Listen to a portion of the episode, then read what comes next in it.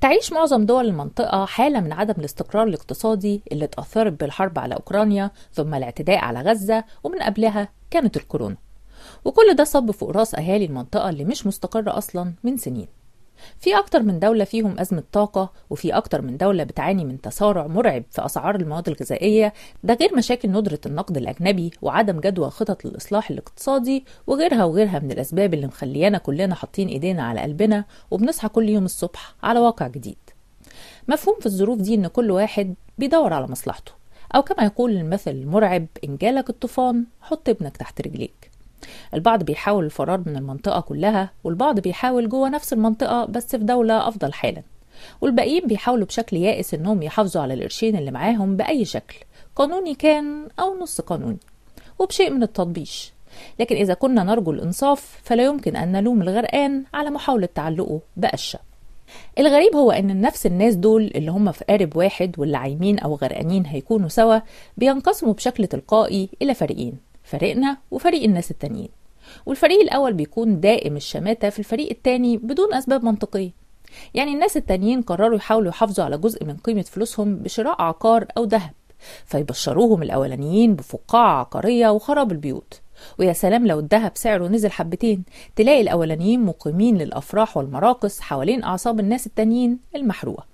وهم بيهنوهم على الحفرة اللي وقعوا فيها مع إن الكل واقع في نفس ذات الحفرة بما إننا كلنا عايشين وبنصارع مصير مشترك.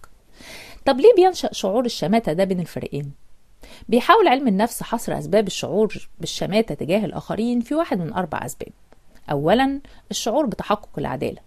أي إننا بنشعر بالسعادة لما نلاقي شخص أجرم أو أخطأ بشكل ما بيتلقى أخيرا عقابه المستحق.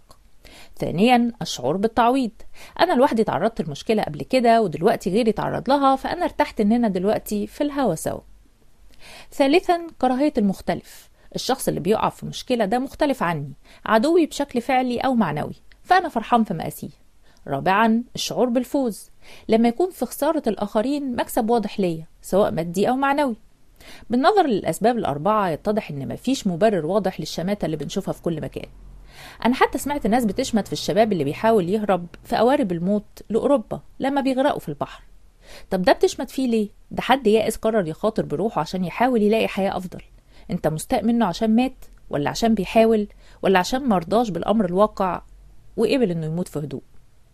طبعا وسائل التواصل الاجتماعي خلت ظاهرة الشماتة دي أوضح وأكبر وأقصى بكتير.